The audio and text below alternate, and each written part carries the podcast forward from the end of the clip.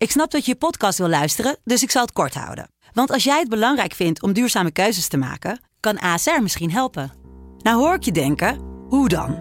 Nou, bijvoorbeeld bij het duurzaam herstellen van schade. Of de premies die we beleggen volgens ons duurzaam beleggingsbeleid. Dat bepaalt waar we wel en juist niet in investeren. Wil je meer weten over welke duurzame keuzes ASR maakt? Ga dan naar asr.nl slash duurzame keuzes. ASR doet het. Zo, dan kan je nu lekker naar je podcast luisteren. Vechtersbazen wordt mede mogelijk gemaakt door Unibed. It's time for Vectorsbazen!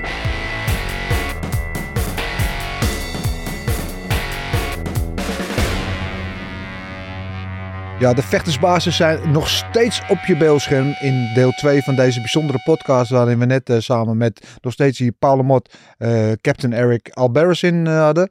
we hadden het al even over jullie connectie. Het blijft toch, ik vind, het blijft toch een mooi verhaal vinden wat jullie met z'n tweeën... Ja, geweldig. Maar ook uit, uit het niks, hè.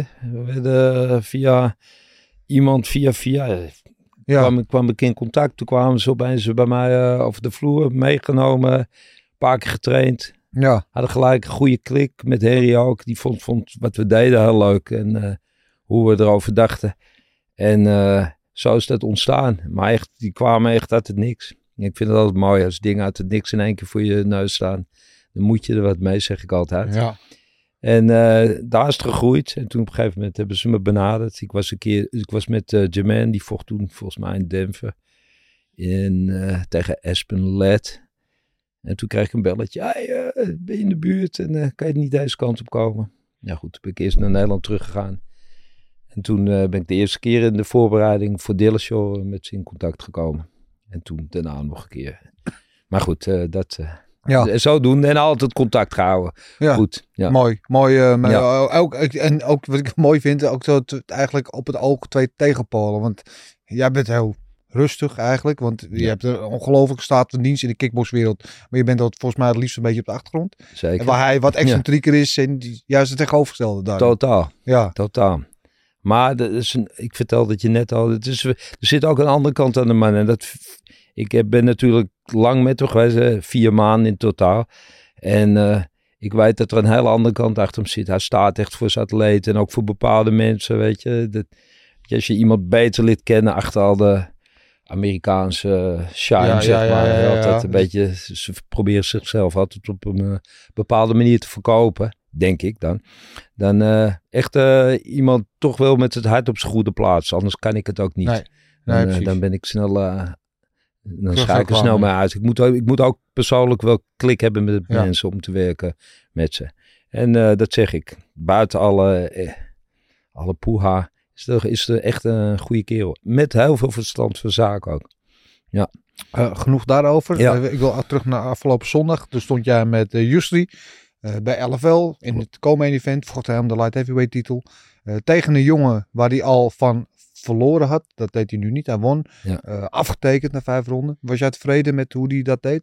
Zeker, zeker. Eh, heeft geduld laten zien. Nee, nee, ik ben gewoon echt tevreden wel. Ook eh, zijn grondwerk, zijn takedown defense, eh, sterk gewoon. Eh, misschien, weet je, als je dan iets aan te merken hebt, waar, het was heel even een momentje dat hij misschien meer had kunnen pushen. En hij hem op een gegeven moment bijna eruit. En dan kan je wel dingetjes gaan zeggen. Ja, je had niet, niet te veel moeten headhunten. en wat meer level changes. hebben. Nou goed, dan kom je op details. Maar nee, ik ben echt, echt tevreden. En het was ook belangrijk. Want eh, goed, we zitten natuurlijk wel in een plan eh, om verderop te komen. Ja, verder En dan naar UFC. het, ja. ja. goed, we willen kijken of we hem in de UFC kunnen plaatsen natuurlijk. En het was wel belangrijk dat hij deze over de streep drong. En dat deed hij echt eh, goed, goed gecontroleerd. Hij heeft hem wel echt alle, alle hoeken laten zien volgens mij. Geen Ja, hoek in een kooi, dat is een beetje raar. Ja, nee, maar ja, ja, ja, hij, ja, dat goed. Hij zag er overtuigend uit. Eh, wa- wat zie je? Want je, je werkt nu een tijdje met hem. Ja. Wat, wat is de progressie die je bij hem ziet? ik zie de progressie. eh, ik vind zijn timing goed, eh, zijn afstand goed. Hij maakt op de grond en eh, maakt hij heel veel progressie. Dat is ook belangrijk. Toevallig hadden we het er net over, weet je. Het, het grondgedeelte is belangrijk. Hebben we dit keer ook veel, heeft hij veel aandacht aan besteed. Eh, ook omdat je wist dat deze jongen vooral naar de grond wilde als we keken. hè. En uiteindelijk viel me dat nog eigenlijk mee. Want die jongen, wat we van hem hadden gezien, was eigenlijk veel tegen de kooi aan. En Ja. leun en ground and pound, dat soort dingen. En eh, nu bleek hij staand eigenlijk. Was hij wat verrassender voor mij dan ik hem ingeschat had.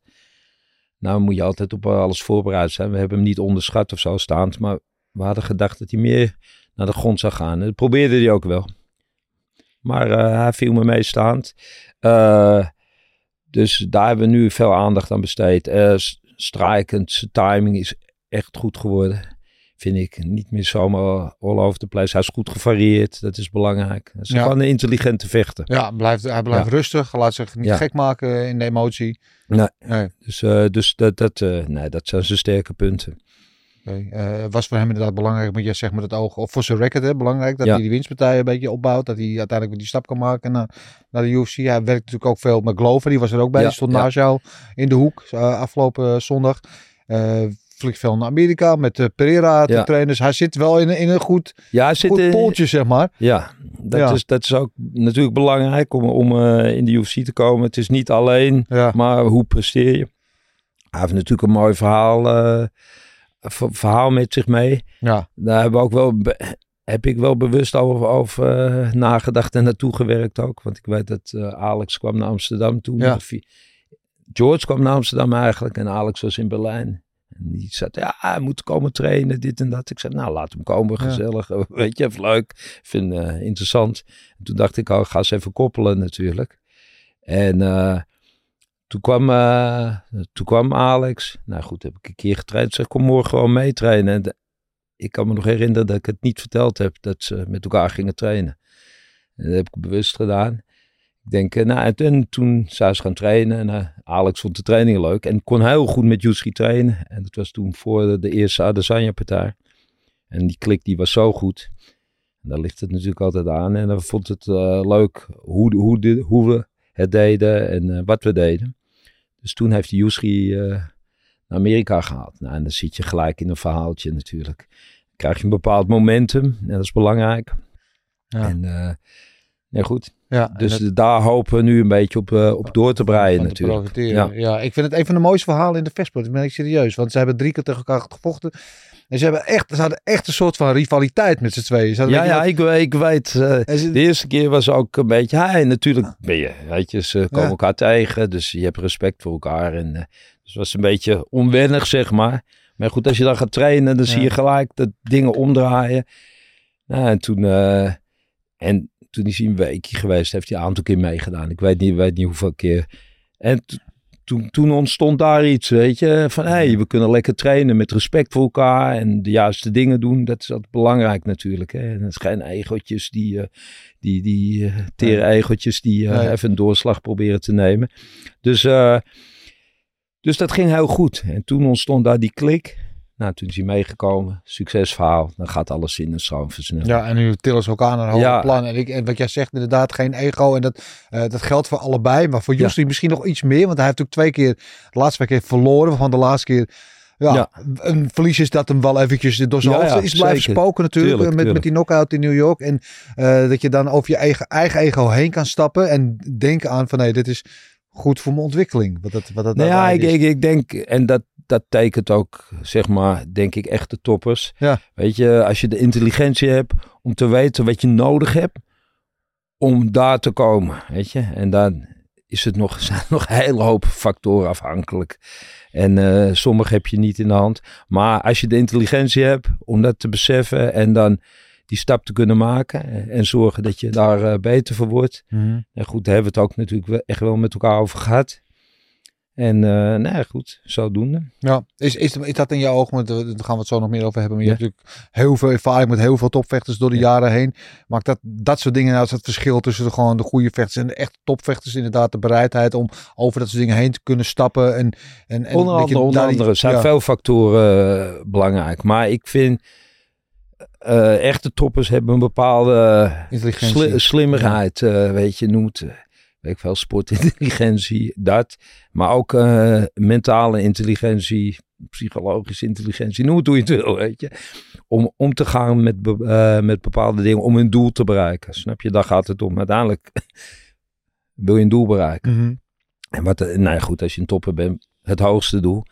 En dan moet je op bepaalde momenten, moet je hier goed in je, in je kop zitten en de juiste beslissingen nemen. En ook slim genoeg zijn om die beslissingen te nemen. Dus Ja. ja. ja. Ja. Ja. Dus eh, nou, zeker. Mooi. Eh, even over jou, want we hebben het over, we hebben het over Enis Hudo, Yusri, uh, Shimane, eh, Melvin. En die zou, en die zou natuurlijk wel een kickbox, maar Ja. later naar het MMA gaan. Maar eigenlijk al veel MMA-vechters. Maar jij bent echt, echt gewoon een Hollandse school kickboksen. De Majiro Ja. school, hè? Ja, ja, Hoe- eh, hoe- even terug naar het begin. Hoe ben jij ooit in die sport gerold? puur toevallig. Ik zou zeggen, ik was natuurlijk kickbokstrainer en, eh, en ik langzaam werden de vechters al minder. Ik ben, eh, ik was eh, altijd vroeger met André en natuurlijk. Ja, en nee, maar ik wil even terug Ja, helemaal naar het begin. Ja. Of Toen je zelf gewoon als, als jonge, jonge jochie je eerste schreden in de kickboxsport stap zetten. Ja, ik ben ooit helemaal natuurlijk bij mijn Gym terechtgekomen. Ja. Nog in de Jan Plas tijd, Robbie Kamer tijd. Eh, ik ben nog, ik kwam net eh, in de wedstrijdgroep trainen. En toen Ja. vocht andere Brilleman zijn laatste wedstrijd. Weet je, ja, in ja. die tijd. eh, echt lang geleden. Ja. En, Jaren en 80 toen heb- hebben we het ja, ja, jaren 80. Begin jaren 80. Ja. En toen ben ik nog in 88, ben ik, heb ik drie maanden in Japan gezeten. Toen nog niemand daar kwam. Puur ook toevallig. Want Robbie, had een, Robbie Kamer had contract daar en ging steeds talentje mee. Nou, toen ging het goed. Toen ben ik daar drie maanden gebleven. Dat was toen heel bijzonder, want er kwam niemand. Het is echt een andere, andere wereld. Hè? Eh, maar ik ben heel vroeg gestopt eigenlijk. Met Ja. kickboksen, er was niet zoveel. En, eh, ik, eh, ja, goed. Er was niet zoveel, gewoon... Nou, ja, eh, qua, qua carrière of zo. Ja. En op een gegeven moment moet je dan geld gaan verdienen en zo. En dan, dan, maar al redelijk snel stapte ik, stapte ik uit, eruit. Ik had de motivatie ook niet meer. Gegeven moment verloor ik van die jongen. eh, weet ik, dat was een beetje het einde. eh, waarvan ik echt eh, anderhalf jaar geleden... Had, had ik daar echt... die had ik wel ja, alle hoeken laten zien. In ieder geval had ik echt flink voor gewonnen. En ik stond gewoon in de ring en ik denk, wat doe ik hier? En toen wist ik, daar moet je stoppen. Want ik ben wel zo, dat als je gaat, dan moet je voor iets serieus gaan. En als dat er niet meer is, moet je weg zijn. In die sport, dat is mijn mening. mhm. En toen ben ik eigenlijk doorgegaan met eh, altijd jongens wel begeleiden. En in kickboksen. En ik zat toen bij mijn gym en er waren veel wedstrijdjongens. En dat heb ik eigenlijk altijd gedaan. Ja. En op een gegeven moment ben ik daar weggegaan. Kreeg ik een beetje andere ideeën over hoe de dingen moesten. En toen ben ik individueel gaan gaan trainen nog. En eh, eigenlijk kwamen er altijd vechters op mijn pad. Dat zeg ik niet. Weet je, opeens, eh, hey, kan je me helpen? Ja. En Ja, maar er- wacht, maar er zit meer achter. Je doet het net als ze toevallig eh, voorbij kwamen lopen. Nee, dat je, ze komen niet toevallig op je pad. Ze komen op een gegeven moment naar je toe. Omdat jij een bepaalde kwaliteit beschikt waar zij dan over horen. Dat, zo zit het. Ja, nee, ja, ja, ja zo, zo is het vaak Ja. gegaan, weet je. Ja. Een trainen of zo. En, en eh, het is verschillend gegaan. Kijk, kijk, Andy was er eerst met André. En toen op een gegeven moment krijgen we toch wel een beetje verschil van inzichten. Mhm. Eh, en eh, je moet geen twee kapiteins op een schip hebben. Toen heb ik een stap terug gedaan. Toen eh, heb ik gezegd, nee, dat moet je niet willen. En, eh, en toen ben ik eruit gestapt. Dus Andy, Andy is met André nog doorgegaan. En toen heeft Andy me weer benaderd. Zegt, nou, kunnen jullie niet eh, toch eventjes samen kletsen? En dat hebben we toen gedaan. En het weer samen doen. En dat hebben we toen één, of twee wedstrijden gedaan. Maar dat, dat ging gewoon niet goed. Nee. Die, die klik was er ook niet meer. En Nick, weet je, dat heeft gewoon te maken, eh, dat is niks. eh, je moet gewoon niet twee, twee verschillende mensen hebben die aan een touwtje trekken. Dat is voor een vechter eh, lastig. Dus toen, toen heb ik gezegd, dit moeten we niet meer doen. Ga linksom of ga rechtsom, maakt me niet uit. Ik vind het goed. En toen heeft hij de keuze gemaakt om met mij nog even door te gaan. En aan de hand daarvan toen is, heeft Melvin me opeens gebeld. Zo ben ik eigenlijk in MMA gekomen. Ja, Melvin, die zat op een beetje op een doodspoor toen. En, en Mike was heel druk met Saki en met Badder. Hij zegt, ja Mike, en terecht ook. Hij zei zonder, eh, zonder wrijving. Hij zegt, Mike heeft gewoon niet meer de aandacht. Zou jij, eh, zou jij met me willen werken? Ik zeg, nou, ik wil het wel proberen. Maar Ja. ik had echt nog nul verstand van MMA. Ja. En dat is echt totaal anders. Maar dat waren mijn eerste... Even MMA, schreden in het MMA, schreden. Ja. En toen heb ik met Melvin, hij zegt ik wil nog één keer proberen eh, voor een titel te gaan. Ja. Nou, toen, toen hebben we de rematch van Cyborg gedaan. En Ja. toen kreeg hij een Bellator contract. En toen heb ik het met, Het Melvin nog gedaan, een paar jaar. Toen, eh, ja. sorry? Die geweldige wedstrijd tegen Lovato, tegen Lovato was dat toch? Nee, tegen, dat hij om de, eh, nee, dat hij om de titel vocht, dat hij niet kreeg. Nee, hij, eh, hoe, heette die jongen ook alweer? Braziliaan. Ja. Vocht hij om de titel. Het was, was echt een, was een hele slechte wedstrijd, maar hij won alle vijf rondes. Het was echt, er gebeurde gewoon niet zoveel. En die jongen, oh jezus, hoe heet hij nou? Ik ben zo slecht in dat soort dingen. Lovato? Nee. Nee, nee, geen Lovato. Eh, ja, goed. Ik weet lange, lange, ja, ik weet het lange jongen. Ja. En hij won die wedstrijd gewoon in Iowa, dat weet ik nog. En eh, toen kreeg hij hem niet. Nee. En toen heeft hij de rematch gevochten. En dat ging niet zo goed. Eh, in, in Turijn, nee, in Milaan of in Turijn, nee, in Turijn. En toen, eh, en toen was die gozer dadelijk beter eh, ingesteld. Ja. En die trapte hem toen op een hoge trap eruit. En, Ja. en toen heb ik gezegd, eh, laten we het niet meer doen. Ik, ik, ik zie het niet meer gebeuren. En, maar toen heeft Melvin nog heel veel Ik wedstrijden net zeggen, maar hebben, dat is al zeven jaar geleden zoiets. ja, ja, ja, zoiets. ja, ja. Ja. En, en hij is volgens volgens mij nog steeds niet klaar. Nee, eh, goed, eh, toevallig uh, spraak, uh, spraak om eergisteren nog. Ja. Ik denk dat hij nu wel klaar is. Ja. Maar uh, ja, nee, hij heeft nog een heleboel partijen gedaan. Ja. Maar goed, ik wil er ook vaak wel een beetje zelf nog achter staan. Dat ja, maar denk, dat is, het, is het ding. En dat vind ik dan wel mooi. Daar wil ik het dan wel voor hebben. Want jij maakt dan de keuze van dat dit voelt niet goed. En dan stap ik, althans, ik zou, je staat er niet meer achter. Ja. Want de Melvin heeft daarna nog wel al partijen gedraaid. Ook voor veel geld. Dus Ja. ik kan ook zeggen, nou, ik blijf op die trein zitten. Want het is lucratief. Ja, maar goed, om geld doe ik het al helemaal niet. Nee. Nee, ik, ik moet, moet er iets in zien. En uh, als dat er niet is, dan, dan, moet je gewoon afscheid van elkaar nemen. Even goede vrienden. En ja, dat, dat bedoel ik niet blasé. Maar ik heb heel veel dingen meegemaakt. Dus ik hoef niet meer zo nodig om haar Mm. proberen iets, iets Mm. mee te maken. Snap je? Van nou, nou dan haak ik aan. Want dan, dan, uh, dan kom ik misschien daar, weet je. Dus uh, die, dingen, die dingen spelen voor mij niet. Weet je, ik heb ook meer het idee dat als je erachter staat, dat je dan eerder daar komt. En dat blijkt ook wel, want achteraf zijn daar een heleboel andere mooie dingen uitgekomen. Mm. Je moet soms even een deurtje dichtgooien. Zeker als je, als je er niet meer achter staat. En dan, dat werkt gewoon niet. In, bij mij niet in ieder geval. Nee. Je moet geen dingen doen. En dat heb ik ook wel eens gedaan hoor, in, mijn, in, mijn, in, mijn, in mijn leven. Of uh, met, met vechters. En dat ik achteraf dacht, nee, daar had ik afscheid van moeten nemen. Dus het is ook een proces hè. Ja. Dus het uh, is niet dat je dat nu opeens allemaal altijd verzonnen hebt. Nee. Langzaam groei je daarin. En uh, dat zeg ik. Als ik er niet meer achter sta, doe ik het niet.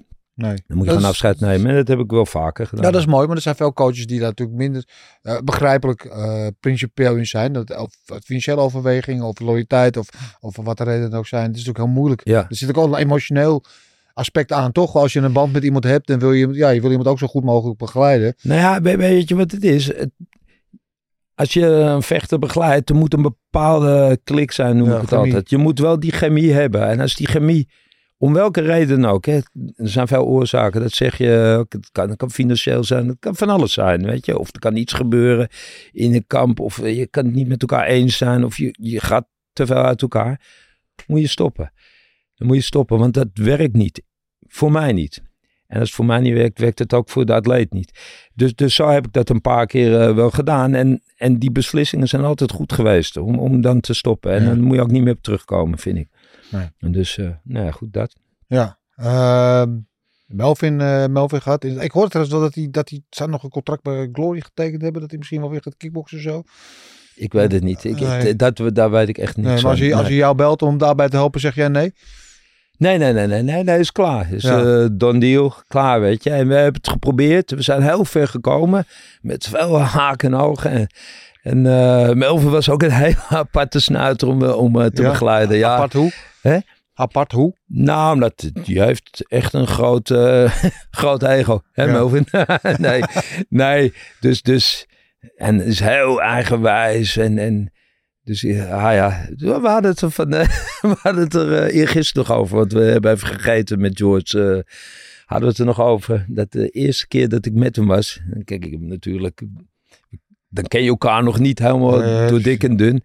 Ik krijg gewoon ruzie met hem en dan van ja, hoe- zat op een gegeven moment En toen dacht ik, oké, maar dit is niet handig. Want Nee. we hebben over eh, een week een wedstrijd.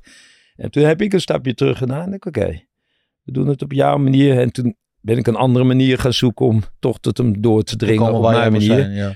En eh, ik zei altijd via de achterdeur. Bij Melvin moet je via de achterdeur winnen. En, eh, dan, dus, eh, eh, soms moet je als trainer, als coach jezelf niet belangrijker maken als dat leed. Weet je? Uiteindelijk gaat het om het doel. Ja. En, eh, en, en je moet dat bereiken. En of het nou linksom, rechtsom, achterdoor, Ja. voor, langs, weet je, Maar maakt niet uit. Hoe, doe je dat dan? Want je hebt ook een bepaalde visie, wat je net zegt, die je over wil brengen, waar je wel trouw aan bent. Nou ja, goed, die visie, die, moet, die blijft overeind staan. Maar hoe ik die overbreng op mijn atleet, Mhm. Maakt niet uit. Uiteindelijk moet, moet dat wel gebeuren. En als dat niet meer gebeurt en je komt daar niet meer, dan moet je stoppen. Wat, wat is jouw visie? Als je het in een paar, paar zinnen op moet, ik weet dat het omhoog nou is. ja, maar- goed. We, we, eh, visie in, in, in, eh, in eh, met MMA, MMA, kickboksen of nou, strategisch. Laat ik het zo zeggen. Je moet je, je techniek strategisch inzetten. En dat, dat is wel belangrijk. En, en dat heeft met een heleboel dingen te maken. En daar kan ik u echt uren over gaan praten. Dat wordt een beetje raar in zo'n podcast. Maar dat heeft met een heleboel dingen te maken. Maar eerst moet je gewoon, je moet je techniek goed zijn. Maar omdat ik ook vaak gewoon atleten krijg die al ergens anders getraind hebben. Ja. En bepaalde dingen geleerd heb. Heb ik wel een bepaald idee over, over dingen.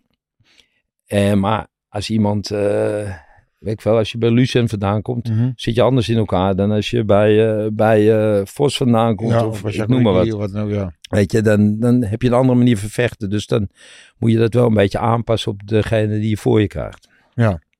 Dus, eh, nou goed. Dus ik, ik, ik heb er wel een visie over. Er moet veel afwisseling zijn, veel, veel... Ja, hoe moet ik dat nou uitleggen? Je moet niet voorspelbaar zijn. Laten we het daar maar over eh, ophouden. Ja. Als je voorspelbaar wordt, dan anticiperen mensen makkelijk.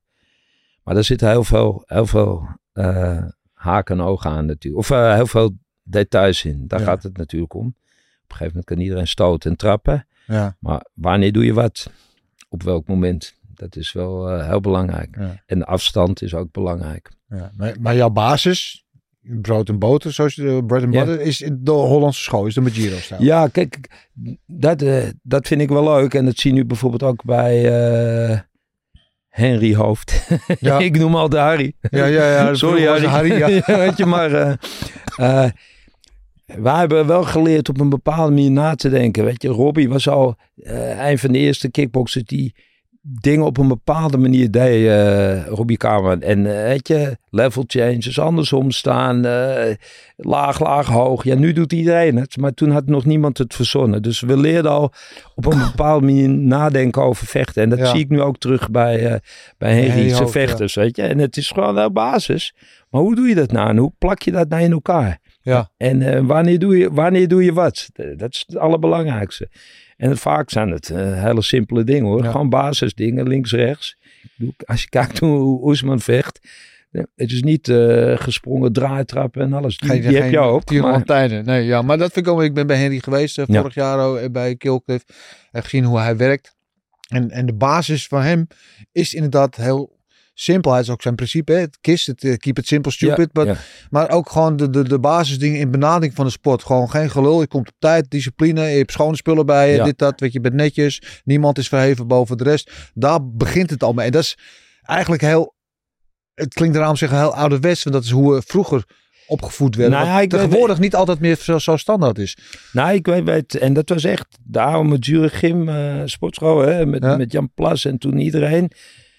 Hey, iedereen hielp elkaar en eh, ook al was je kampioen, je ging niet eh, iemand van de zijklasse helemaal in elkaar timmeren, dat Mhm. deed je niet. Je probeerde hem beter te maken. Hij er werd hard getraind, tuurlijk. En als je het aan elkaar voelde, ging, ging het gas erop. Geen gezaak, simpel, weet je. En dat hebben we echt wel meegekregen eh, van, vanuit Jan Plas, zeg maar. En ook, weet je, we waren niet hiërarchisch hè, daar. Helemaal, helemaal niet. Je had respect, Ja. maar dat was wat anders dan oes oes en het knippen Ja, ja, en ja, buigen. Ik ben daar niet zo van. Je hebt wel sportscholen die daar heel erg van zijn. Beetje de Japanse eh, achtergrond. Dat, eh, Als je een bandje hoger bent, dan moet je, ja. moet je maar Ja. knippen en buigen voor als je laag bent. Daar ben ik niet van. Je moet respect hebben en je moet elkaar beter maken ook. Je kan het niet alleen. Dus, dus, dus elkaar helpen. En dat zie ik erg terug. Toevallig had ik laatst even eh, had ik hem eh, op, eh, op een berichtje, Henry. Ja. Hij, hij liet het een beetje zien. Ik zeg, hij, weet je, van knap wat je hebt neergezet. Het is moeilijk, hè. Mensen denken, ah, dat doe je even. Maar het is heel moeilijk om dat zo voor elkaar te krijgen. Ja. En Ja, je maar, ziet er alles in terug eigenlijk. ja. Hoe wij opge, opge, opgevoed zijn, zeg maar, in de vechtsport. ja, maar dat bedoel ik inderdaad ook. Want dat, weet je, hij is net als jij dat net zegt, inderdaad, dat je gewoon vasthoudt in je principe. Dus als je niet achter staat, dan doe je het niet en, en buigt niet voor verzachtende omstandigheden, zoals geld of, of wat dan ook. En dat zie je met hem. Het is Ian Gary, die UFC-vechter, Ja. eh, wat een van de grootste talenten is in die divisie. Wat absoluut onmiskenbaar een superster is Ja. of aan het worden is. Eh, en die heeft gewoon de dim uitgekegeld. Ja. Omdat hij zich niet wilde conformeren aan de regels die voor iedereen gelden. En dan is, het maakt niet uit wie je bent of hoe groot je bent. Als je niet mee wilt doen zoals de rest dat doet. Ja, dan maar je- wij zijn ook een beetje nuchter hoor, Ja. boeren lullen natuurlijk. Weet je? Ja, dat is, dat is toch wat Ja. het is. In Nederlanders zijn daar denk ik te nuchter voor, gemiddeld gezien. Ja. Hè? Je hebt altijd uitzonderingen. Maar eh, ik denk niet, eh wij, wij, wij zitten niet zo in elkaar, natuurlijk. Is dat, is dat ook een beetje inderdaad, want toen we met Captain Eric nog zaten, dat hij had gevraagd inderdaad om naar Brazilië of naar Amerika te komen Ja. om onderdeel van het team uit te maken. Dat jij zegt, mm, Nee, nee, ik, ik vond het heel interessant natuurlijk. Maar het was heel interessant wat daar gebeurde toen ik daar kwam. ja, ik had er natuurlijk ideeën over. En toen zei hij, nou ga je eens maar even kijken wat er gebeurt. En toen, eh, want hij had een groot team. Ik was maar onderdeel van het team. Ik was een striking coach, was nog een boxcoach. Was, eh, er was nog een coach. ik kwam in een heel team terecht. ja, En, eh, en er waren zoveel egootjes. Ik denk dat ze daarom ook heel blij met me waren. En ik heb dat helemaal een beetje eh, bij elkaar gekregen. Ja. Want de wedstrijd ervoor waar het net over had, eh, tegen Dimitris Johnson, lagen ze alleen maar te rollenbollen met elkaar. En iedereen wilde maar belangrijk zijn. En toen, toen ben ik een beetje de dempende factor geweest en een beetje de lijm tussen alles geweest. Dus dat vonden ze ook heel, heel lekker, denk ik. ja, En toen hadden ze echt het rustigste kamp ooit. Dat hadden ze nog nooit meegemaakt. ja. Daar waren ze heel blij om. En toen ging het ook nog goed. En, Gewoon, eh, gewoon enzovoort. Dan, dan wordt alles in één keer... tjoe, gaat alles in een stroomversnelling. Ja. Ja. Eh, ik zat net denken, je bent ook met, met, Andy heel lang natuurlijk ook veel in Brazilië geweest volgens mij. Ook, Nee, niet, niet in Brazilië. niet in Brazilië? Oké, want ik weet Andy is toen dat wel een paar keer bij Jose Aldo ja, geweest. ja, Die, die had eh, altijd connectie in Gozalde en zijn goede tijd. Haalde Ja. Andy altijd om te sparren.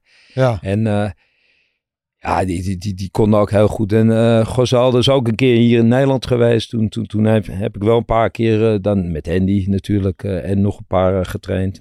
Corrie Sandhagen heeft nog heel lang bij Ja, Andy dat gezeten. weet ik nog, Die heeft ja. twee keer een paar maanden daar geslapen. Dus eh, ja, Andy... En ja, goed, Andy is gewoon eh, next level. Dat is Ja, ook... maar eh, dat wou ik inderdaad zeggen. Want Andy is een van mijn echt favoriete vechters alle tijden. Ja. Volgens mij is zo, zo mooi kickbokser. Daar heb jij natuurlijk heel lang en excessief mee gewerkt. Dat maakte hem zo'n bijzondere vechter. Ja, nou goed, dat heb, ik me, heb je met alle toppers. Weet je, daar, daar zit iets extra's in. eh. Ja. Eh, hoe moet ik dat dan zeggen? Een bepaalde drive, dat maakt hem. Ja, is ontzettend getalenteerd natuurlijk. Daar begint het mee, talent.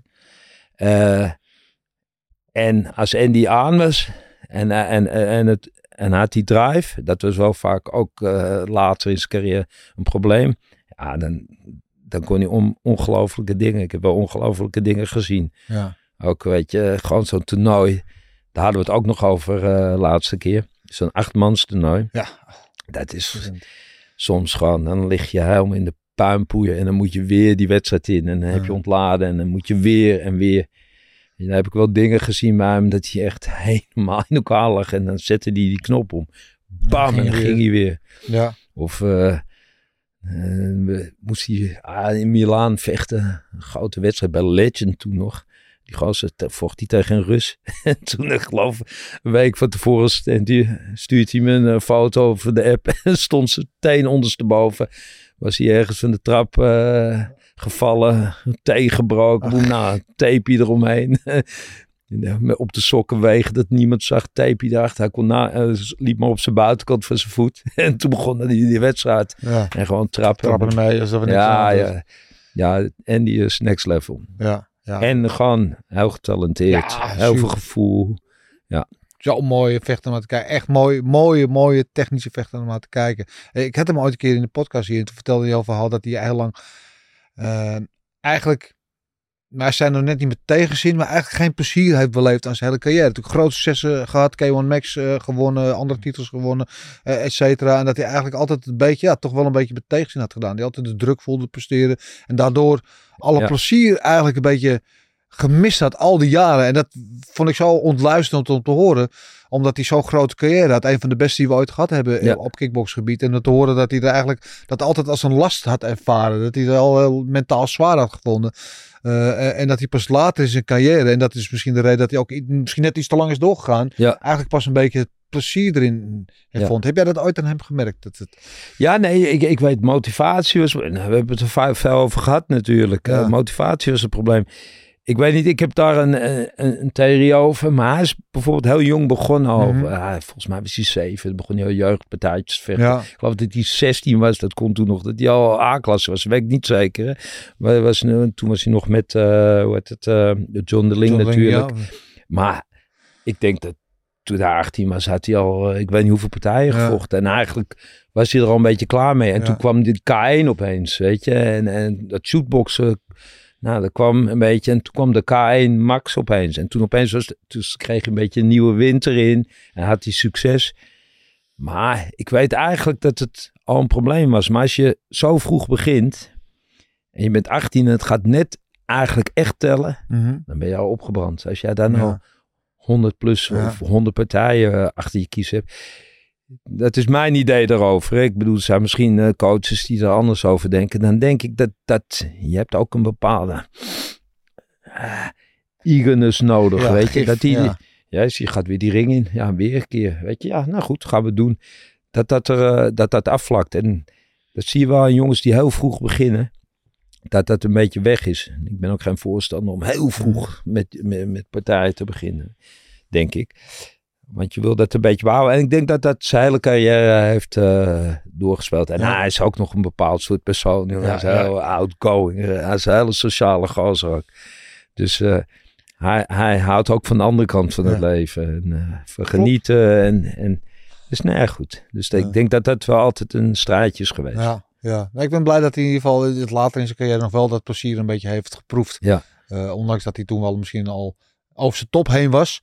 Ehm, ja. ja, apart figuur, maar eh, absoluut een van de grootste die we gehad hebben. Als je nou kijkt, hè, of jouw lange carrière, Ja. van alle, alle vechters waar je mee gewerkt hebt. En het is moeilijk om te zeggen van, wat is je favoriete vechter om mee gewerkt hebben? Dat is net als Ja. vragen van, wie is je favoriete kind van de zes? Ja, dat kan je ook niet zeggen, maar waar bewaar je nou de, de beste of de mooiste herinnering aan? Nou ja, goed, ik heb met Andy natuurlijk heel lang samen met André, hè, we niet vergeten. Eh, maar en later dan ook een, een periode alleen. eh, eh, heb ik gewerkt, heb ik prachtige dingen meegemaakt. Eh, en Andy als persoon vind ik fantastisch, weet je. Dat, dat, die gaat nooit meer uit mijn hart. En dus, weet je, ook al we spreken elkaar af en toe eventjes. Ah, we moeten weer langskomen, weet je. En dan gebeurt het niet, of wel, weet je. Maar met Andy, dat, daar heb ik echt persoonlijk natuurlijk ook, omdat je zo lang met elkaar eh, hebt meegelopen, eh, goede klik mee. En het is gewoon een heel bijzonder iemand, weet je. Het is eh, gewoon een mooi, mooie gozer, een mooi mens. Eh, maar jezus, ik heb met een heleboel vechters goede tijden gehad. Hesty, en daar heb ik mij ook wat mee gewerkt, maar een paar jaar, weet je. Maar je heb ik ook geweldige dingen meegemaakt. Dus eh, ja, eigenlijk met allemaal vechters wel, maar... En bijvoorbeeld met Henry Cejudo op een heel ander vlak. Daar was ik helemaal niet zo close mee. Heb ik ook heel bewust gedaan toen ik daar was. Maar als atleet was dat heel bijzonder. Dat- van de meest bizarre atleten die ik heb meegemaakt. Ja, en waar zit het dan in? Want dan was jij Nou, Olympisch kampioen, eh, twee Nee, divisiekampioen bij de UFC. Maar dat is niet voor niks natuurlijk. Hij heeft een bepaalde mindset, hij heeft iets over zich. Wat is dat? Nou, wa- wat ik interessant aan hem vond natuurlijk. Nou, ten eerste puur talent. Als ik hem iets vertelde, en het was al toen hij in Nederland was. Want hij kwam hier een beetje voor het strijken en weet ik veel wat. En dan eh, legde hij wat uit. Ja, wat bedoel je nou? En, eh, in het Engels. En, dan legde hij het hem uit. Zegt hij, nee, nee, nee. Kan je het even laten zien wat je bedoelt? En dan, eh, nou, kom even. En die, eh, nou, dit en dit. Op een stapje of weet ik veel wat, weet je. Oké, oké. ging hij sparren, boem, zag je het meteen terug. Ja. Meteen. Dus En eh, hij pikte dingen zo snel op. Ja. En ik had het ook, eh, als ik daar was. Ik was, er waren veel coaches, weet je, af en toe. En ik was een beetje op de achtergrond. En eh, om, om dingen toe te voegen. En, eh, en zei hij, hey, hey. Zei ik, hey, nou, misschien moet je even hierop letten. Oh, laat het me even zien. ja. Bam. En wat ik heel leuk vond, er waren, eh, wa- waren een paar dingen die we getraind hebben voor, TJ Dillashaw. Ja. In die 30 seconden heb ik drie dingen teruggezien. Ja. Snap je? En waar we het echt over gehad hebben. Ja. Dan denk ik, ja, Ja. dat vind ik dan, dat vind ik dan leuk, weet je. Dan eh, denk ik, oké. Ja, dat- dan heb dat je dus wel toch, ondanks dat je niet zo kloot, wel die connectie. Dat hij wel Ja, oppakt wat jij tegen hem vertelt. En ja, is ja, ook ja. ten Nee, maar kan hij, brengen. hij, hij, dat zijn hij, hij, verschillende pikte met meteen op. Ja, Dat was echt. En zijn mindset was. Dat is echt ongelooflijk. ja. Dat, dat, dat heb ik nog bij niemand gezien. Nee. Bij niemand anders. En die had die mindset op bepaalde momenten. Mhm. Weet je, als hij, als hij helemaal dat in zijn hoofd had, dan, dan kon hij echt door alle grenzen heen gaan. Ja. Maar hij, eh, en ja, ik heb het ook wel eens met, eh, ik ben altijd benieuwd naar, naar mensen hun driver natuurlijk. Ja. Want als coach, daar wil je op gaan zitten. En iedereen heeft wel een andere driver, weet je. De ene is het fame, de andere is het roem, de andere, weet ik veel, maakt niet uit. Of iets anders, of eh, andere achtergronden. Dus daar had ik het erover. Maar hij is altijd natuurlijk, eh, was hij de underdog. Ja. Toen hij al worstelde op high school, zijn broer was net een jaar ouder. Die was Ja. al wat verder. Ze waren Ja. alle twee eh, natuurlijk grote sterren in die high school. En dan was het van... maar hij was toch altijd het jongere broertje. En zijn broer zat al in het Olympic Training Center en hij kwam later. Ja. Voordat hij Olympisch kampioen werd, het jaar daarvoor, had hij een heel slecht seizoen. Hij was helemaal niet de favoriet. En dan moet je je plaatsen. En toen plaatste hij zich als underdog. En toen won hij goud Ja. als underdog. Hij was niet de grote, de grote worstelster. En toen was hij de jongste. Nou, en met MMA was het hetzelfde. Ja. Constant underdog. Zelfs tegen Di- Dillashaw. Hij was de kampioen. Het was alleen maar Dillashaw. Dus, ja. Dus toen dan kon ik mooi op prik ook. Ik zei, ja, luister, ik, hoe zit dat? Jij bent toch de kampioen en ze hebben het alleen maar over hem. Weet je? Ja. En, en altijd maar bewijzen. Ja, ja, ja. En sowieso natuurlijk. ook een ego-ding, is ook een mentaliteit-ding vooral natuurlijk. Ja, maar goed. eh, ja, ik denk dat het op allerlei vlakken van jongs af aan al is. Weet je, ik bedoel, Ja. hij is ook een Mexicaan in, in Amerika. Dat is echt anders. Snap je? Dus dan heb je altijd al twee streepjes achter. Ja.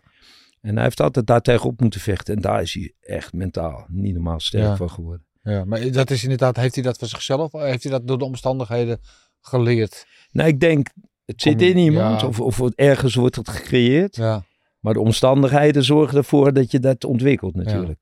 Maar ja, goed, je hebt ook andere mensen uit dezelfde situatie, die doen er niks mee. Dat is ook talenten en dingen die bij elkaar komen. Maar hij heeft ook, als atleet is hij ook niet normaal ge- getalenteerd, zeg maar.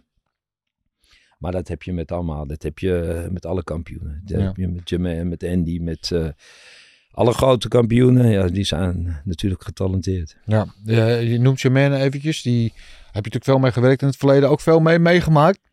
Ja. Heeft net weer de, de, de, de, de comeback aangekondigd. Althans, er is een partij bekend Ja. geworden. Gaat in eh, april gaat ze weer vechten. Drie jaar eruit geweest. 40 inmiddels. Ja. Eh, net kind gekregen vorig jaar. Eh, of iets meer dan een jaar geleden dan. Ja, ook een bijzonder verhaal. Ik ben heel benieuwd hoe ze teruggekomen. Weet je, toch ja, de biologische Ja. De omstandigheden zijn natuurlijk niet hetzelfde als een paar jaar geleden. Eh, eh, drie jaar eruit, hoe dat dan gaat zijn. Hoe, hoe Ja. denk jij dat? Nou Jij ja, goed, kent het ik- door en ik door. ben al, al, al een tijd niet meer met Jermaine. hè. Ehm, maar, maar z- zij is ook zo'n bizar atleet. Ja. Eh, als die had gaan voetballen, had ze het Nederlands voetbalelftal Ja. gekomen. Sterker nog, ze kan heel goed voetballen. Eh, eh, zwemmen heeft ze volgens mij ook in het Nederlands zwemteam gezeten of jeugd. Niet normaal atletisch. En eh, ik denk dat ze hele goede kansen maakt, omdat toen ik nog wel met haar was, eh, vocht ze tegen Amanda Pennington. Die heeft nu die titel. Ik We hebben nog geappt en ik van helaas, je moet het terug. Ja, ja, ja, ja. Want die, die, die, die won ze echt na ook weer twee jaar afwezigheid. Want ik was met ik heb- ben één keer met haar geweest. eh, voor, tegen eh, Holly Holmes voor de titel. Dat was Ja. de eerste keer dat ik met haar was. En Ja. Dat werkte heel goed. Ja. Toen was ze de titel en toen is ze er twee jaar uit geweest. Eerst Ja, was er wat eh, gedoe met, eh, met de UFC. En toen later kreeg ze een uh, oogblessure. Was ze bijna blind eh, aan één oog. En toen, en toen vocht ze volgens mij de eerste eh, wedstrijd tegen Amanda Pennington Ja. na, na twee jaar. En die won ze zo Ja, overduidelijk. overtuigend en makkelijk ook. Ja. Na twee jaar veescheid. En toen daarna nog eh Espelet. Toen nog een keer. En toen zaten we tegen Amanda Nunes. En weer een beetje hetzelfde. Weet je, we krijgen een beetje Ja. verschil van inzicht en mening. En toen hebben we gewoon op een goede manier, want ik ben hartstikke goed met haar, eh, hebben we afscheid genomen. Ik zeg, doe het niet met mij. Ja. Ja, weet je, dan eh, gaan Maar we was, elkaar... was hè? dit dat dan in dan? Ja, dat, maar het- weet je, dat is iets... Oké. Dat, ja, dat- maar Nee. dat maakt ook helemaal niet uit, weet je. Nogmaals, als ik er zie, weet je, zij zit en eh, ik heb er ook van, nee, je moet terugkomen. Dan zegt ze, ja, bedankt en eh, ik ga ook vechten de zesde. Dus ik denk dat het een goed idee is. Ja. Ik denk dat ze een kans heeft. Als Amanda Pennington de is, heeft, dan eh, moet ze dat echt kunnen. Ja. Zij, heeft, zij heeft echt niet normaal veel talent. Ja. Er zijn wel andere dingen, dat, maar goed, dat weet je. Ja. Het heeft met keuzes te maken, maar dat is ook heel persoonlijk. Ja. Ik, Ja. ik, ik vond een beetje. eh, Oké, een van de dingen dan bijvoorbeeld is, ze, zij blijft werken en dat begrijp ik heel goed. Maar er ligt zoveel eh, mogelijkheid daar. Zou je dan meer, door, meer voor je carrière kunnen gaan en even je, je, Ja. je carrière hier als agent eh, aan de kant kunnen schuiven? Nee, goed, dat zijn keuzes. Mhm. En nogmaals, niks te nadelen. En zij maakte daar bepaalde keuzes in. Nou goed, dat. En dan krijg je op een gegeven moment krijg je misschien wat frictie. En, Ja, en, denk- of niet frictie, maar dan sta je er net anders in en dan moet je stoppen. Ja, maar dat is heel interessant wat jij zegt, hè? Dat je dat, dat misschien had ze wel die carrière even op een laag pitje moeten zetten en vol voor die sport kunnen laten gaan. Had ze dan jouw oog misschien meer kunnen bereiken? Verder kunnen komen? Ja, maar is- weet, je, ik, heb daar wel een idee over, maar, maar, maar het Ja. gaat uiteindelijk om de vechter, wat, wat, die zijn idee is, hoe die erin staat. Ja, En, en hey, ik weet niet, ze heeft sowieso heel veel bereikt. Hè? ze heeft dingen bereikt die bijna geen vechter bereikt heeft. En zeker geen vrouwelijke vechter. ja. Dus, dus wie ben ik om... Alleen, ik heb er wel een idee over. Hm.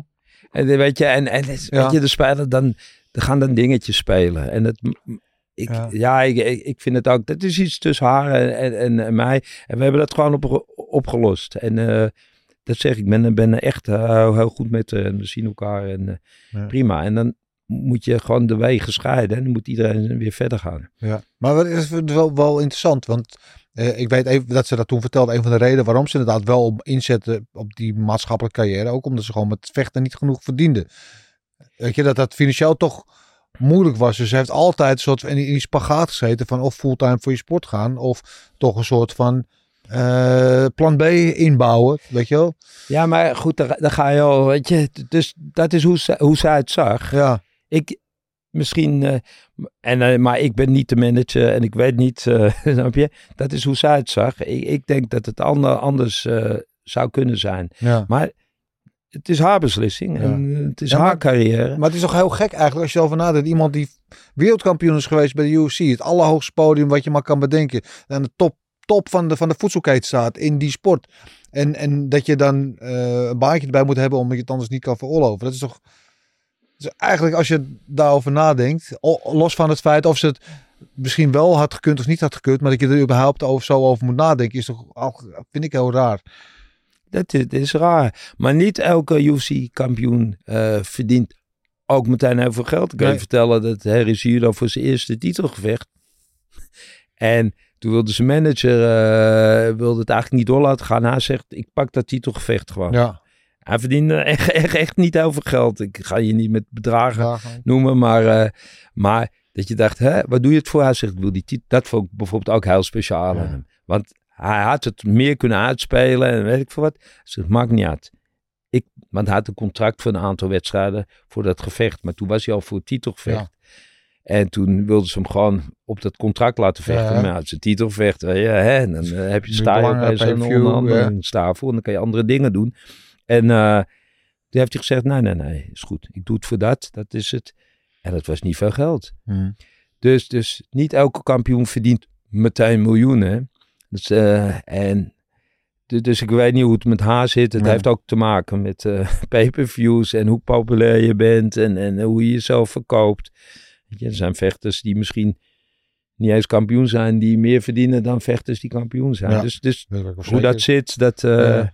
Dat weet, ik, weet ik niet precies. eh. Nee. Ik denk alleen wel dat zij.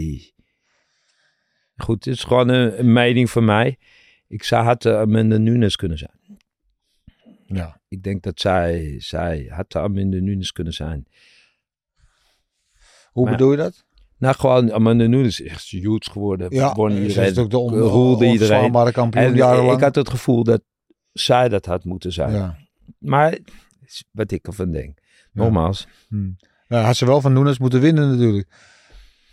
Ja, ja. Nee, zeker. Ja. Zeker. Zeker. Nou, goed. Ik hoop, eh, ik hoop echt van harte, want dit, dit- is ook iemand die ik al heel lang volg met kickboksen. En als kickboksen was hij natuurlijk ook fenomenaal. Onverslaanbaar, letterlijk.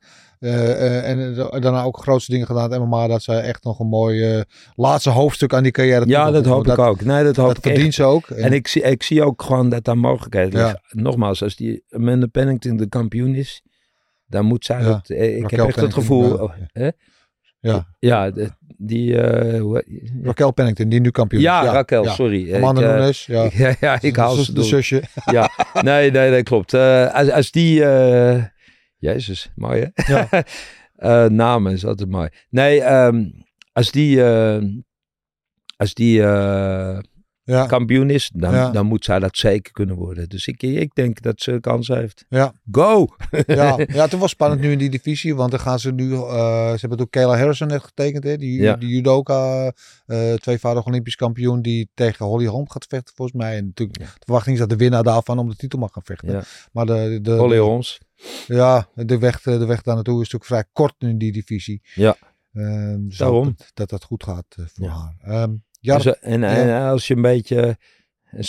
Als jij maar als vrouw een beetje te promoten bent, dan, Ja. dan doen ze dat wel in de UFC. Hè? ja, Dat heb je gezien aan, eh nee goed, aan Valentina en eh, aan uh, Amanda Nunes en Rousey, ja, Ja. ja. Rousey. Dat was de eerste. Dan kan je echt wel... dus nee, je moet zorgen dat je er komt. Goed. Ehm, jaren 80 met Giro Jim, wat was dat voor een tijd? Andere tijden. Kijk, andere tijden. wel mooi. andere tijden. Jezus. Ja, maar gewoon, het was een hele, hele andere tijd. Ja, Gewoon. Maar het was wel. Je hebt de eerste generatie, zeg maar. eh hoe heet het? eh Robbie, ja. André, André. eh, Ja, Fred Rooijers. ja, ja. Jezus. nou goed, die, die hele generatie. En ik zat er net achter. Met, met Henry Hoofd onder andere. André, die zat ook achter. Ik. En eh, ja, nog een paar. Jezus, tof. Je had de Tommy van den Bergen. Den Milootje, jeetje. Maar was, was, was, was, was, was- ja, die, die hele sport was anders, joh. Ja. Dat was gewoon een hele andere wereld. Hoe zou die sfeer bes- beschrijven dan, eh, toen de tijd? Ja, goed. ik ben oude lul. Ik heb het er vaak over. Ik vind het een schitterende tijd. Ja, Was het nog alles niet zo eh, gelikt en, eh, en aangeharkt als het nu is. Er zaten wat randjes aan. rauwe randjes. Ja. Ja. En eh ja, het was wel een mooie tijd. En, en we hadden toen wel echt veel goede vechters ook. En ik denk wel dat het Nederlandse kickboksen zoals dat wereldwijd bekend is, daar wel een beetje ontstaan is. ja. Met de, met de slimmigheid van Jan Plas. Die was echt wel een coach die, die voor die tijd al een stapje verder dacht dan de meeste coaches. ja. Weet je, en, en ik vergelijk het wel eens met, met, met voetbal, weet je. Je had Johan Cruijff, je had Rinus Michels en tot, totaal voetbal. En ja. daardoor zijn we op, op dat plan gekomen. En van daaruit gaat iedereen dan opeens verder. Ik bedoel, daarna heb je zoveel fantastische eh, trainers en coaches en vechters ergens anders gehad. Maar ik denk dat zij wel die standaard daar gezet hebben. En als die standaard helemaal daar is, dan gaat iedereen van daaruit verder. En anders blijf je altijd maar een beetje ja. In kickboxland. Ja, maar dat is mooi, want eh, Henry Hoofd is ook altijd lyrisch over Jan Plas. Ja. Dat hij echt soort van, ja, eh, eh, de, de, de- het grote brein is achter de ontwikkeling van het kickboksen. Ja. Met Giro en Shakuriki is het een beetje de, aan de basis van, van het kickboksen in Nederland. Ja. Waar Tom Haring als, als de promotor en de motivator en dergelijke natuurlijk Juist. enorm het goed heeft gedaan. Maar waar de echte, de, de, de, eh, hoe zeg je dat? Waar Jan Plas echt de, de man was die, die, die, die, die het inzicht had. En, en Nou ja, weet je, er was, er werd, en dat was toen helemaal niet. Er werd al een beetje echt strategisch nagedacht Ja. over dingen. Waar, wanneer doe je nou wat? En Ja. nou, oké, nou vechten ze achteruit in plaats van alleen maar ah, vooruit, ja, ja, weet je, harder. En, eh, ja. Weet je, hij was de eerste, die Lucien, eh Lucien eh, liet Lucien die achteruit. Lucien Cabin was ook, eh, dat was eigenlijk de eerste grote ster met Jurgen. En daar vlak achter kwamen Robbie en eh, Lucien was geweldig toen natuurlijk. En eh, die liet hij bijvoorbeeld achteruit vechten. Oké, laat me komen. En weet je, dat soort dingen. En hoe plak je de dingen nou aan elkaar? Ja. Er werd, werd over nagedacht. En dan heb je ook de talenten nodig die dat kunnen omzetten. Ja. En, en, en op een gegeven moment had je Robbie. En die ging opeens andersom voorstaan. Ik weet niet of je zijn wedstrijd tegen Hoost hebt. Weet je, nou goed. van de week nog met NSO over. Ja, Ja. weet je. En opeens stond hij andersom. Ja. Weet je. En, dat soort dingen, daar was heel goed over nagedacht. En dat gebeurde daar. En Jan was daarvan. En het was vaak heel simpel, maar dan net even ietsje slimmer in elkaar gezet. Ja. En dat denk ik, dat hoop ik tenminste, dat Harry eh, en ik hebben dat soort eh, denken over vechten een beetje meegekregen. Ik wou het zeggen, is dat inderdaad de grootste invloed geweest op wie jij later Zeker, Robbie? Robbie en Jan zijn wel voor mij de grootste invloeden over hoe ik over vechten denk. Ja, En dan ontwikkelt die sport zich. Maar je moet die manier van denken blijven de volgen. basis. Ja. ja. Ja, en weet je, en er komen dingen bij. Weet je, hoe zet je die in? Weet je, je kan Ja. wel van alles gaan, eh, aan, gaan doen. Ja. Maar er is een, een tijd en, en een moment voor. Ja. En hoe kleed je dat in? Je noemt Robbie Kaman als een van die twee invloeden naast Jan Plassen. Vind ik het zo. Want. Robbie Kaman voor mij echt, in mijn ogen, de beste vechter die we gaan. Dat is voor mij favoriet. Ja, Weet je, dat is de reden waarom ik aan, aan die sport ver- verknocht ben geraakt in instantie. Eh, en dan niet zo vaak eerder gehoord dat je hem ook als, als een groot ja brein... nee, nee, nee. eh, Robbie. Ro, Ro- Robbie is voor mij, eh, dat zeg ik, de Johan Cruijff en het kickboksen. Die dat Nederlandse staaltje, en nogmaals, daarnaast zijn zoveel geweldige vechters Ja, geweest. maar Maar hij was de eerste Ja. die echt op die manier de dingen combineerde. De, de inzichten. Hij, hij, is, hij, hij heeft ons dat, dat hele Dutch kickboxing, waar op een gegeven moment iedereen het over had. Wat al lang niet meer Dutch kickboxing Ja. is. Want het wordt al over de hele wereld gedaan nu. Ja. Maar eh, dat is daaronder, dat heeft hij wel ontstaan. Samen met zijn coach Jan Plas natuurlijk. eh, maar ja, zeker. Ja, wat waren die dingen dan die hij dan, eh, die- dan zo gewoon dingen op, op een manier combineren aan elkaar. Weet je, je, je trapt iemand, je gaat laag trappen, hoog trappen. Nou, dat kent iedereen. Maar dan net even op een andere manier doen. Of een stootje erbij plakken. Weet je, en even met je schouder indraaien en van de andere kant komen. Nou, eh, hij, hij ging ook gewoon andersom staan. Hij ging twee kanten op vechten. Ja. Weet je, nou, dat was toen helemaal niet aan de hand. Opeens stond hij andersom voor, waardoor hij je vanuit de andere hoek raakte. Of hij, hij bewoog naar achter, liet je missen en gooide die hand eroverheen. Dat was ook een, je, ging southpaw staan, boom. En dan liet hij je missen met die jab. Bewoog je naar achter en dan crosste die, die, crosste die, die voorhand overheen. Nou, dan kan je zo twee of drie knockouts zien. Goed, de low kicks, hè. Oh, die eh, low kicks. Maar die low kicks, die zorgden er wel voor dat hij ze er daar bovenuit Ja. op een bepaalde manier. Ja. En nu heeft iedereen het daarover. Maar toen was dat nog helemaal niet zo. Ja, low kick, low kick, hoog trappen, dat kennen we wel. Maar er zaten nog een heleboel andere details in, weet je. Ja. Nou goed, dat, eh, ja, nee.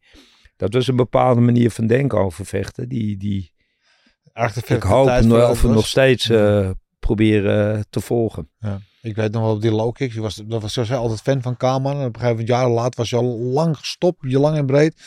Toen was hij een dagje of een, of een paar dagen was hij in Nederland. Dat woont ook in, in L.A. Zo Ja, ja, volgens mij. En, en was hij bij Kops was hij aan het trainen. Dus ik ging daar naartoe als interviewer. Maar vond het ook mooi. Want ik was dat van jeugdheld van me. Zo, weet je wel. Dus mocht hem interviewen. En eh, nou was hij een beetje aan het trainen. Met een dame van, ik dacht dat het zijn dochter was. Maar het bleek zijn vriendin te zijn. Ja, ja. eh, kan ook. ja. Eh, zit nou, dit, hoe zit het dan? Hoe doe, geef je nou een goede low kick? Hij zei, nou, als je pak je als een trapkussen. Ja. Ga ik wel even, doe ik wel even voor hoe je een goede low kick geeft. Dus hij deed dat. En, en gewoon niet eens volgens mij op zijn allerhardst. En hij was gewoon, hij was niet warm, maar was gewoon, weet je wel, Ja. deed het gewoon eigenlijk een beetje uit stand. Zo voelde het, weet je wel. Ja, en ik, maar ik heb nog nooit zoiets gevoeld. De manier waarop hij dat, dat voelde zo dof en hard. En ik heb nog nooit zoiets in mijn leven gevoeld als dat moment. Dat ik dacht van, oh, oké, dit is even anders dan wat ik tot nu toe gewend ben. Ja, ja. Ja, Ja, goed. eh, en zeker voor die tijd. Hè. ja. En nogmaals, de- de- daarna, maar ja, ja, ah, het geweldige low kicks natuurlijk. Maar het ging ook om, je moet die dingen wel op een bepaalde manier trappen, anders Ja. trap je vol in een blok op het Ja. juiste moment. En eh, hoe kleed je dit in, weet je? En als je hem dan getrapt hebt, wat doe je daarna? Als iemand echt last van zijn been heeft. Ja. Wat je vaak ziet is, dan blijven ze hem op het been trappen. Net zolang tot ze helemaal krom lopen. Maar je kan er ook mee gaan spelen met dat moment. En opeens eh, komt er een cross of eh, de andere kant. Weet je, er zijn veel manieren om daarmee te spelen. En dat, dat vond ik interessant. Hij was gewoon intelligent te vechten. Ja, wat, wat vind je het mooiste aan het spelletje? Wat, waarom gaat jouw hart hier nog steeds na al die jaren zo hard, zo snel voor kloppen? Nou, er zit heel veel aan het spelletje. Sowieso als je vecht, een kooi instapt eh, of een ring instapt. Dan word je wel geconfronteerd met al je basisemoties. Ja. Weet je, agressie, angst. En, en hoe, hoe deal je daarmee? Dat vind ik mooi. Ja, En ik vind het ook mooi als je, als je je technieken strategisch kan inzetten. Ik hou wel van een beetje strategie en niet zomaar. nee. En dat zie je wel hoor. Veel mensen, en daar komen ze ook heel ver mee, gewoon op veel gevoel en herhaling en, en maar dingen doen. Maar ik vind het mooi als ik dingen zie opgezet worden. En dat vind ik zo mooi aan de MMA ook. Dat ligt dat spelletje nog meer. Je ziet gewoon, er wordt slimmer nagedacht, vind Ja. ik in MMA gemiddeld gezien. Er zijn wel een paar geweldige vechters natuurlijk staand, eh, ook tegenwoordig, die slim vechten. Maar ik vind heel vaak is het gewoon, nou ja, we gooien technieken en eh, er zijn wel trucjes. Nou, als jij dit doet, doe ik dat. Maar en wie doet dat dan het beste en die wint dan? Maar bij MMA zie je echt, je ziet gewoon de opzetjes. Maar je ziet waar iemand naartoe werkt. Dat is Ja. een mooie, dat, die noem ik altijd. John Jones tegen Daniel Kom, kom jij, geloof ja. ik, eh, tweede wedstrijd. Met Die kom jij, Ja. ze hadden natuurlijk eh, nogal een dingetje met elkaar. Klein beetje. een klein beetje. en volgens mij, die kom jij had de hele tijd één kant op geslipt en dan had hij hem dan de eerste wedstrijd op verslagen. En Ja. in een interview zegt hij, eh, ja, ja, ik weet het wel. Je gaat me die kant en dan ga je me daar raken. Weet je, want ik slip de Mhm. hele tijd naar die zijkant weg. Maar eh, weet je, zo van, ik heb me daarop voorbereid. En vervolgens, ik geloof, 2,5 ronden lang alleen maar tips, eh, die gekke Ja. sidekickjes Ja, been, kick, ja. lichaamstrapjes, die irritante lange benen. Constant laag, laag, laag. Waar gaat hij op neer? Uiteindelijk toch pam eroverheen. Ja, En hij heeft toch gewoon 2,5 ronden daar naartoe gewerkt. ja. En dat is het begin van het einde. Ja, dan ben je een koning. ja. Dan, dat, dat, dat vind ik mooi. En zo heb je nog een heleboel van die Om dat soort dingetjes van tevoren te zien en te bedenken en dan tot uitvoering te laten komen. Eh, ik veel Makachev de laatste keer Tegen eh, tegen, Volkanovski. of tegen Volkanovski. Je ziet gewoon Oh, hetzelfde eigenlijk. het hele strategische. En het is zo simpel. Ja. Maar het gaat om de uitvoering. En Ja. hoe doe je het? En, En wanneer doe je En het? wanneer doe je het? Ja, En de uitvoering. En dan kan je nog zo erop ingesteld zijn. ja. Als je goed raakt onderin. En je gaat ze voelen. Dan gaat hier iets gebeuren. Waardoor daar het gat komt. En ja, dat vind ik mooi. ja. Wat, wat is jouw moment dat je wel eens dat zoiets hebt gehad in de wedstrijd? Dat je dat van tevoren hebt bedacht dat het zo perfect tot uitvoer kwam? Denk je, ja, Nou, ik weet, wij weet bijvoorbeeld eh, eh, met Andy, dat was nog met, met André. En toen vocht hij tegen eh, de, de eerste ronde toen hij won tegen dinges, eh jezus, klein, van- uit, uit Alkmaar. Eh Drago. Drago, ja. ja, Drago. Ja. Vocht hij tegen Drago en Drago was toen echt Dus bom die ging als een ja. bom en eh, die, die kwam binnen en hij vocht de eerste wedstrijd. Maar hij had een beetje gezien dat die Drago af en toe op bepaalde momenten, als hij eruit stapte, Mhm. de handje liet zakken. Dus we hadden heel veel op die, die cross eroverheen, eh, op die cross eroverheen Ja. getraind. En wat gebeurt er op een gegeven moment? hij slaat die, als je goed kijkt, op Ja. die cross slaat hij me uit. Nee, dat is lekker. ja, schitterend. Volgens mij, eh, zoals het me nog bij stond, ko- komt hij terug en ik het nog in zijn oor. Ah, dit is die cross. Maar goed, zo staat het in mijn herinnering. Maar eh, nee, daar was gewoon op getraind. We hadden heel veel die, over die voorste hand heen die cross getraind. Nou, dat soort dingetjes die daarna uitkomen, die zijn geweldig. Schitterend. Ja, en dat, daar heb je er wel meer van. Maar dat is een hele duidelijke die me echt altijd bij is gebleven. Wanneer ben je het meest gelukkig geweest? je bedoelt in vechtsport? Ja, Of, of, eh, überhaupt. Nee, ja. nee, oh jezus, ik, eh, Ja. er zijn zoveel momenten. Ja, maar ik bedoel, je hebt zoveel, zo'n lange carrière, zoveel dingen meegemaakt. Helemaal terug tot begin jaren 80 tot nu zit in 2024. ja, ja, maar ben ik gelukkig geweest in de sport of gewoon in mijn leven? Want ik ben... eh, Nou ja, misschien is het wel een combinatie van. Misschien was het ja, wel ja, nee, ik ben natuurlijk... Mijn leven is niet alleen vechtsport, dus Nee. ik ben hartstikke gelukkig. Ik heb twee kinderen en eh, weet je, dus, dus er zijn een heleboel momenten dat ik heel gelukkig geweest Ja. ben. En, eh, maar qua sport heb ik gewoon een paar, ik heb de mazzel gehad. Hè. Je moet ook de mazzel hebben, een paar prachtige dingen mee kunnen maken, weet je. En dat begon al in 2000, eh, 2004, iets meer op de achtergrond al met Remy. Maar dan was ik toch al, met Remy was ik ook al lang bezig. Ja, Weet je, het was vroeger zo, eh, André, als André niet, of vaak, we hadden zoveel wedstrijdvechters, dan nee, eh, de André was toen nog veel met Peter. ja. Ik weet dat ik nog met Remy's eerste rare wereldtitel in Griekenland en van een vaagbondje, toen was hij 18, weet je, won, weet je. Maar wat André moest toen met Peter ergens heen of zo, weet je, zo werkt het vaak. ja. Dus vanaf daar begon, begon het al, weet je. En ik heb zoveel mooie dingen kunnen meemaken. Ik heb echt geluk gehad. En er zijn mooie dingen op mijn pad gekomen. En eh, ook hele korte dingen. Ik heb nog met Andy Riesti sportief gezien een heel mooi moment gehad. Op een ander vlak misschien eh, is het wat minder gaan, Ja. maar, maar sportief. Dat, eh, toen kwam hij opeens eh, acht weken voor zijn voor, zijn glory finale. wa- Was hij bij, was hij weg bij Lucien. Ja. Ze hadden een beetje, en toen kwam hij bij mij terecht via de krachttrainer die Ja. we toen hadden. Zegt, kan je me helpen? Nou, toen Ja. heb ik hem geholpen. Eh, en toen heeft hij ook nog met andere jongens getraind, maar ik heb hem maar geholpen. En toen, ja goed, dat ging geweldig natuurlijk. Toen dat die Robin, eh, Robin echt ver- goed versloeg. En Petrosian Petrosian versloeg, die, die echt nog Die nooit... nooit eh, knock-out was gegaan. Nee. Dus dat was, zeg maar, sportief gezien ontzettend succes. Ja. Dat ik dacht, nou... Ja. En daar zit ook, daar zat ook strategisch nog wel eh, iets in waar, ik- waar ik persoonlijk dacht, nou, ja, Ja? ja, zeker. Dus, eh, dus dat, dat, eh, dat zijn mooie sportieve hoogtepunten. Mooi. Nou ja, goed, jezus, Jermaine, dan heb ik met Henry, een mo- UFC-titel. eh, met Andy heb ik mogen doen, Ja. samen met André mooie dingen gedaan.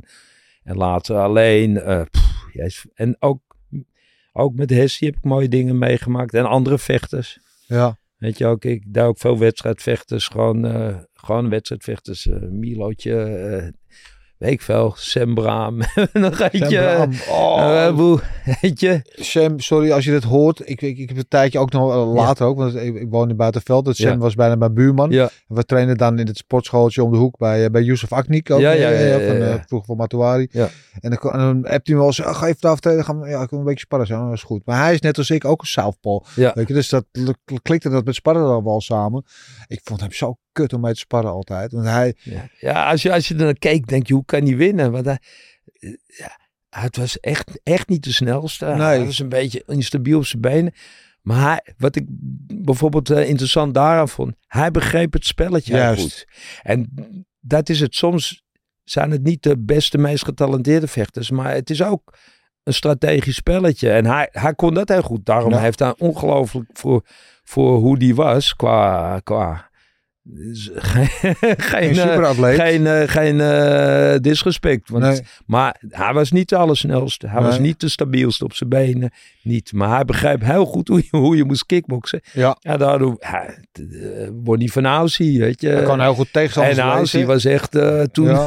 Rising Star. En, en Maar ook alles aan die man is hard. Alles is vervelend. Ja. Knieën, vuisten, schenen. Alles doet Ja. pijn als je tegen iemand. Godverdomme. Maar, maar goed, weet je, dus ook dat soort jongens. Er zijn zoveel jongens eh, waar ik ook hele mooie dingen mee heb, eh, heb gedaan. En nu nog steeds. Ik ben een sportschool begonnen. En er zijn C-klasse jongens. eh, Ja. De laatste, die vochten hun eerste partijtje. Vind ik geweldig. En dan hou het heel simpel. En dan zie ik dat ze gewoon geweldige dingen doen, weet je. En zichzelf overwinnen op een bepaalde manier. Ja. Daar Ja. geniet ik net zo van, hè. Natuurlijk, eh, je, die, Champions League verhalen zijn mooi. Maar ik geniet net zo van op, de, op het allerlaagste niveau dat mensen alles eruit halen En stappen maken. Dat is voor mij precies hetzelfde. Het is alleen op een ander op een lager niveau. Maar dan ook 100% geven. Ook je eigen grenzen overwinnen. Ook omgaan met dingetjes. Ook opeens iets beter kunnen dan je het ooit gedacht hebt. Ja. Of iets halen wat je van je had gedacht dat je het nooit kon halen. Ja. Ja, maar dat, daar wou ik inderdaad vragen. Want je, als je nou zo'n pak, een beetje 45 jaar in die sport rondloopt. Weet je, dat is een heel, heel mensenleven al zo'n Ja. beetje. Alles hebt meegemaakt, alle successen met alle wereldtops hebt gewerkt. Zo. En dan, en ja, waar haal je dan nog de motivatie dan van? Nou, wat is dan nog je ambitie? Wat wil je nog? Als je al zoveel hebt meegemaakt en gedaan. Maar mijn, met mijn ambitie, en dat, je weet, ik doe ook wel eens PT'tjes en, Ja. en dingetjes.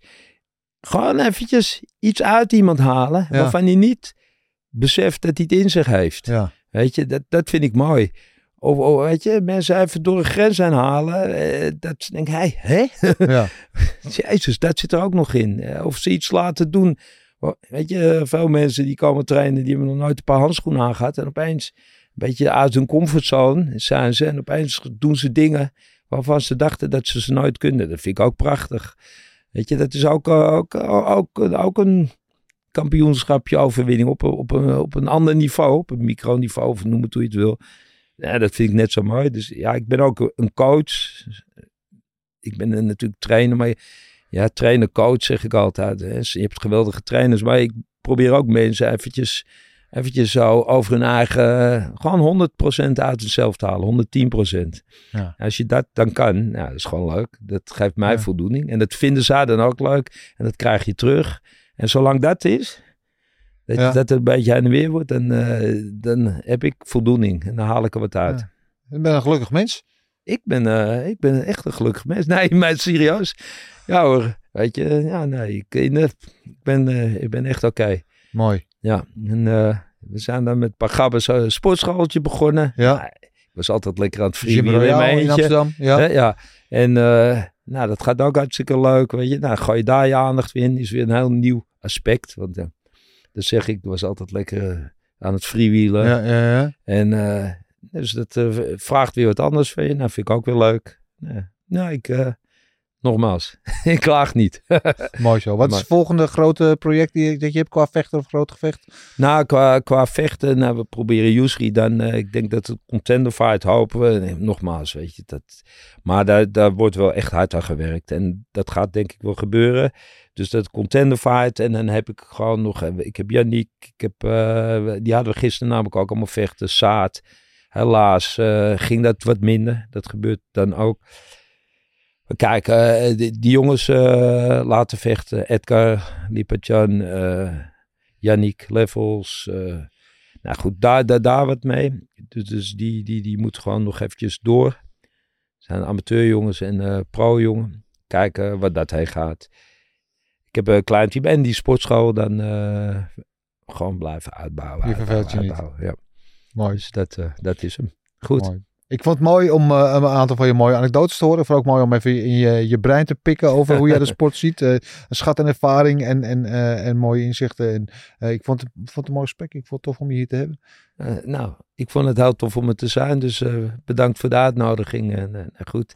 Top. We, we zien elkaar op de sportschool. Ik zie van de week Ja, de sportschool. We trainen dezelfde Ja, sportschool. ja. Om het even lekker incestueus te houden. Ja. Goed. Jongens, jullie allemaal weer bedankt voor het kijken. Je weet waar we te vinden zijn. Vergeet niet te liken, te delen en te abonneren. Dan zijn we de volgende week weer. Oes! Oes.